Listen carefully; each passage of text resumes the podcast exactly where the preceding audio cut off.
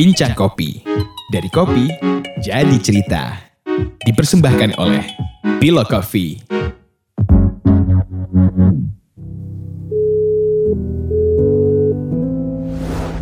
Halo, ini Maria. Hai, Ya mungkin boleh perkenalan diri dulu untuk pendengar bincang kopi. nama aku Wenti. Eh, sekarang tinggalnya di Labuan Bajo, Kabupaten Manggarai Barat. Eh, terus apa lagi ya? Eh, sekarang masih punya usaha kedai kopi juga, namanya Kopi Mane Inspiration di Labuan Bajo. Ya, em, terkait pandemi ini, Mbak, gimana nih em, situasi dan kondisi di Labuan Bajo dan dampaknya ke Kopi Mane? Kalau situasi COVID terkini sih kan memang kami baru eh, rilis positif dua, baru positif dua kan kemarin nih dua hari lalu. Jadi memang hmm, sebenarnya sebelum sebelumnya juga udah mulai sepi kan dari mulai April itu udah mulai sepi. Eh Maret akhir lah, Maret akhir itu kotanya juga udah mulai sepi. Sejak Taman Nasional Komodo juga ditutup kan. Mm-mm. Terus dengan kemarin positif dua memang jadi penjagaannya jadi lebih ketat. Patroli tetap jalan gitu. Cuma memang eh, ya itu pasti berpengaruh ke semua sektor sih, terutama ekonomi gitu. Banyak banyak resto-resto yang tutup juga. Kalau kita kebetulan di sini eh, masih tetap buka, buka. Cuma memang take away. Jadi memang kita sebenarnya menerapkan sistem take away. Cuma sih basicnya kan sebenarnya take away itu tujuannya untuk social distancing ya. Jadi kalau misalnya memang ada yang datang satu dua orang yang eh, nggak terlalu berkerumun, sebenarnya kita tetap terima aja. Karena mereka tanya boleh makan di sini ya gitu. Kita tetap izinin sih. Gitu. Ini ada penurunan omset kah dari semenjak pandemi ini? penurunan sih sebenarnya ya pasti ada lah ya gitu maksudnya drastis sih Eh, ya yang tiap harinya juga memang eh, kan kan customer kan biasanya banyak orang lokal kan gitu. Mm-mm. yang wisatawan luarnya sebenarnya nggak terlalu terlalu banyak banget sekali. Eh, tapi dari wisatawan eh, dari orang-orang lokalnya juga sebenarnya penurunan drastis sekali gitu. Karena memang mereka mungkin antara memang takut juga berkerumun atau memang karena juga rata-rata kan orang sini kan hmm, bisa dibilang penghasilannya itu kan harian ya. Bisa ada yang harian kadang kan kadang-kadang tour guide atau misalnya ada juga yang eh, tour agent apa atau pokoknya hubungannya sama pariwisata gitu jadi mungkin dari mereka juga pendapatannya berkurang karena kamu kan sama sekali nggak ada kan berarti Mhm. yang otomatis penurunan secara pendapatan juga ya pasti berpengaruh juga ke pengusaha-pengusaha kuliner gitu. Jadi penurunannya dampaknya eh, selain COVID juga dari penutupan komodo itu ya, Pulau Komodo itu ya. Iya iya betul betul. Karena memang itu kan salah satu mata pencarian terbesar kan di sini gitu. Maksudnya ibaratnya kapal semua kan kalau dari tempat wisata kan udah macam-macam tuh apa subsektornya kan banyak tuh. Mm-mm. Gitu. Jadi memang pasti berpengaruh banget gitu. Kira-kira berapa persen kalau boleh dipresentasikan? Hmm, berapa? 95 persen kali ya. Waduh. 95 persen iya ya. Jadi kadang-kadang memang kita ngalamin sehari nggak ada tuh kayak udah biasa gitu lama-lama. Jadi kayak udah ya buka buka aja. Kalau dulu kan kita setiap Senin tutup tuh. Cuma kalau sekarang ya kalau misalnya buka buka aja gitu. Toh juga kan kita dibatasin cuma sampai jam 8 kan. Mm-mm. jam 8 patroli kan boleh patroli jadi kita eh, ya kayak gak ada apa-apa aja gitu. Maksudnya kalau misalnya lagi ada tamu ya satu dua gitu. Tapi juga nggak selalu. Paling kadang-kadang ada yang minta kirimin kopi keluar kan. Tapi itu cuma kayak baru bulan eh masih baru berapa minggu terakhir. Karena kan sekarang udah stop sekali nih baik udara maupun laut kan gitu. Jadi memang eh, apa juga ini sih juga susah juga sih. Jadi akhirnya buat ngirim keluar juga susah. Ya, Kalau langkah-langkah yang diambil saat pandemi ini selain take away tadi, apalagi Mbak?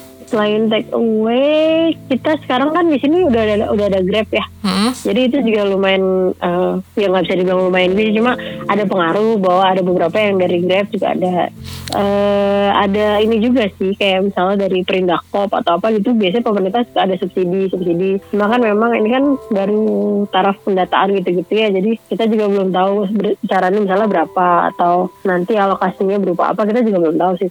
Kalau di Jakarta tuh udah mulai jual kopi literan atau frozen food. Kalau di Kopi Manis sendiri ada produk baru kah atau seperti apa? Karena pasarnya pada akhirnya di dalam-dalam sendiri ya sebenarnya uh, sementara orang-orang sini kan kopi itu udah hal yang biasa ya pasti di rumah punya kopi kan sebenarnya. Hmm. Jadi sebenarnya uh, kopinya mereka punya dan daya belinya mereka nggak ada. Jadi memang sebenarnya itu berpengaruh banget sih gitu. Maksudnya kalau mau bikin inovasi juga sebenarnya kita karena pasar yang lokal jadi akhirnya mikirnya jadi memang harus lebih mikir ekstra lagi apa yang mesti dikerjain sih gitu. Karena hubungannya sama daya beli kan gitu kalau kalau di sini. Karena kita udah udah nggak bisa keluar masuk lagi gitu sebenarnya. Apalagi pariwisata juga Iya, ya. Masa udah- pariwisata udah tutup. tutup juga. Hmm, dan ternyata tutup. Terus ya akses sih sebenarnya akses kap, eh, pesawat komersial kan praktis tutup kan. Hmm. Kemarin sempat sempat jadi zona hijau berapa hari terus akhirnya jadi merah lagi nih NTT. Hmm.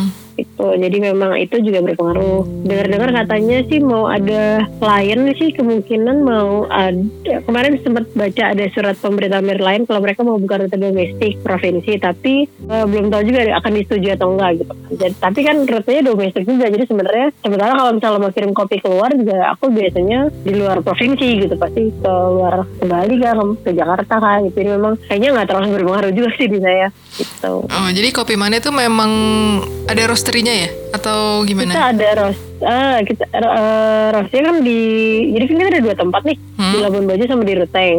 Nah di Ruteng memang roastingnya semua di sana gitu, di karena memang mesin roastingnya di sana. Cuma ini per hari ini, eh per kemarin atau per hari ini ya, itu eh, jalur Ruteng Labuan Bajo dengar-dengar ada ini juga sih pembatasan juga sih, karena kan eh, kebetulan yang positif itu ada di Lembor. Lembor itu pertengahan antara Oh, Labuan iya, Bajo benar. sama Ruteng. Hmm. Heeh, jadi akhirnya ada pembatasan juga. Jadi memang benar-benar kita kayak nggak di lockdown sih, tapi tapi ya ya gitu. Akhirnya memang benar-benar akses keluar dan masuknya terbatas. Agak skakmat gitu ya? Mm, jadi jadi bingung juga Hmm. gitu. Gimana ya? Sedih juga dengernya ini.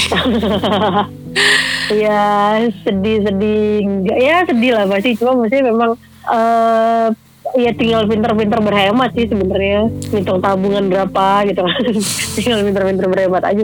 Dari segi pekerja apa ada yang berdampak mbak dari tempat mbak sendiri? Maksudnya ada yang dirumahkan kah atau bagaimana? Eh, jadi saya tuh ada empat orang kebetulan. Yang dua memang eh, tinggal sama saya kan, jadi bareng-bareng kita. Terus yang dua lagi eh, hanya untuk bantu kayak cuci. Jadi shifting sih mereka sistemnya. Nah yang shifting ini memang saya eh, ini saya apa saya rumahkan gitu. Saya bilang kalau misalnya saya nggak tahu sampai kapan gitu, tapi kalau kamu ya di rumah dulu aja gitu. Karena saya tahu bahwa saya nggak bisa gaji juga. Gitu. Jadi memang akhirnya mereka memilih untuk pulang kampung. Tapi kalau misalnya membaik ya, saya persilakan untuk balik lagi gitu. Terus kalau yang dua lagi ini sih ya mere- mereka sih lihat sendiri kan memang segitu sepinya. Jadi eh, nggak ada tuntutan banyak sih sebenarnya kalau saya prinsipnya kamu makan makan masih oke, semua masih oke di sini, tetap sehat ya udahlah gitu. Dan mereka kayaknya ngerti-ngerti juga sih. Jadi ya itu udah udah cukup nolong sih kalau dari dari sisi pengurangan gaji ya. Ya, dan kalau nggak salah sempat ada mau acara seribu cangkir kopi Manggarai ya? Nah iya persis. Itu jadi pembatalannya juga seminggu hamin seminggu gitu. Itu persis banget setelah presiden mengumumkan apa ya waktu itu ya pertama lo eh bukan lockdown. Jadi oh positif pertama kalau nggak salah. Hmm. positif 01 di Jakarta.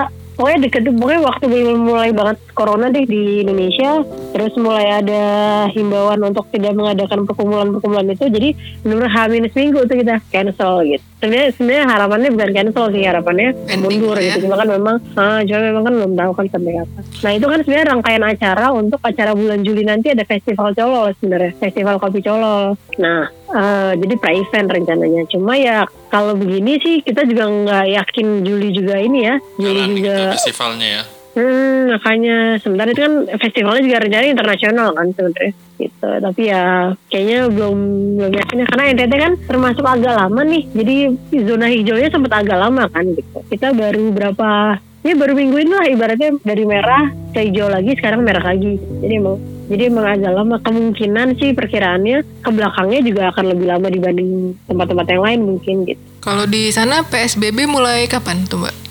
PSBB sih sebenarnya pemberla- belum ada pemberlakuan ya, maksudnya yang secara resminya sih belum ada pengumuman gitu. Cuma memang eh, ya kesadaran orang-orang aja sih sebenarnya. Ini sih sebenarnya mulai ramenya juga karena kalau jam-jam menjelang buka aja sih takjil gitu-gitu sih. Tapi sih kayak jam segini juga udah mulai sepi sebenarnya. Kalau ini nanti sampai panjang gitu, mungkin akhir Desember paling cepat atau bahkan nanti tahun depan Hmm? langkah apa aja untuk menghadapi ini Langkah apa aja ya? Ya yang pasti berserah kebayang dan berdoa. selain berdoa Eh, langkah sih sebenarnya honestly belum ada planning yang fix nih sebenarnya. Cuma emang ya benar-benar kita sih sekarang ini benar-benar berhemat aja sih. Jadi apa? Ya nguras tabungan kan akhirnya ya.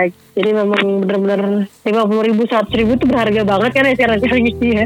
Jadi memang benar-benar benar-benar ngepres aja, ngepres apa eh, pengeluaran. Terus planningnya sih belum sih. Tapi sih kayaknya memang harusnya sih Pemda juga karena mereka cukup concern juga kan sama UMKM kan. Gitu. Jadi eh, belum tahu sih nanti gimana ke depannya sih. Ah, sebenarnya kalau misalnya masih dua bulan ke depan kayaknya masih lumayan sanggup sih ya. Tapi kalau udah sampai enam bulan sih kayak kita juga takut juga ya. Karena karena efeknya kan sebenarnya bukan bukan hanya di kitanya gitu. Tapi pengangguran kan juga besar besaran nih gitu. Kemarin juga sempet ngalamin kejadian. Ada orang tiba-tiba masuk nanyain ini sih nanyain apa eh, lowongan. Tapi juga agak serem kan di sini kan. Jadi kita juga mulai oh ini nih mulai mulai kayaknya mulai berdampak nih efek-efek penganggurannya sih itu Ya, mungkin eh, ada tambahan lagi Mbak untuk para pendengar bincang kopi. Hmm, Pesan-pesan lainnya sih pesannya atau sih curhat lagi sebenarnya lah curhat lagi boleh. biar Curhat. semangat biar sama-sama kadang kan Menguatkan ya. kesedihan itu kalau bersama lumayan lah menambah sutikan semangat Iya, iya, iya. Sebenarnya sih kalau saya sih nggak nggak yang galau-galau banget gimana sih karena memang kebetulan kebetulan saya di sini juga bantuin media centernya sih jadi sebenarnya untuk informasi yang segala macam sebenarnya cukup update. Cuma memang kalau untuk usaha sih memang eh lagi benar-benar mikir juga sih. Jadi udah berapa kali ngebahas juga sama teman-teman. Saya kira kalau misalnya ini akan berlangsung lebih dari dua bulan apa yang akan terjadi gitu. Karena kan kita juga pasti mengamati juga gitu kan. Itu. Tapi ya sebenarnya sih nggak mau terlalu stres sih karena kayaknya kalau stres makin buntu ya. Gitu. makin bingung juga gitu. Ya di memang harus pinter-pinter ngakalin ini sih apa perputaran roda keuangan aja Iya, sih. dan menjaga kesehatan mental ya. Iya iya benar-benar. Karena kan ini hubungannya sama imun ya. Imun tubuh ya. Jadi emang benar-benar benar-benar butuh apa eh, sehatnya tuh bukan hanya sehat fisik tapi juga sehat mental gitu ya. Ya percaya aja lah masih ada rezeki gitu ya. Gitu sih? At least ya at least ya bikin pengeluaran macam-macam sih. Kayaknya harusnya masih sanggup lah ya untuk bertahan hari per hari ya gitu ya. Amin. tuh amin amin amin amin ya Ya, Terima kasih Mbak Wenti sudah berbagi di Sama-sama. bincang terima kopi. kasih ya Mbak Wenti ya sama-sama terima kasih juga Kami berharap curahan hati ini dapat menebarkan solidaritas. dan memantik nyala semangat bagi kita semua Terima kasih telah mendengarkan Bincang Kopi. Sampai bertemu lagi di episode berikutnya.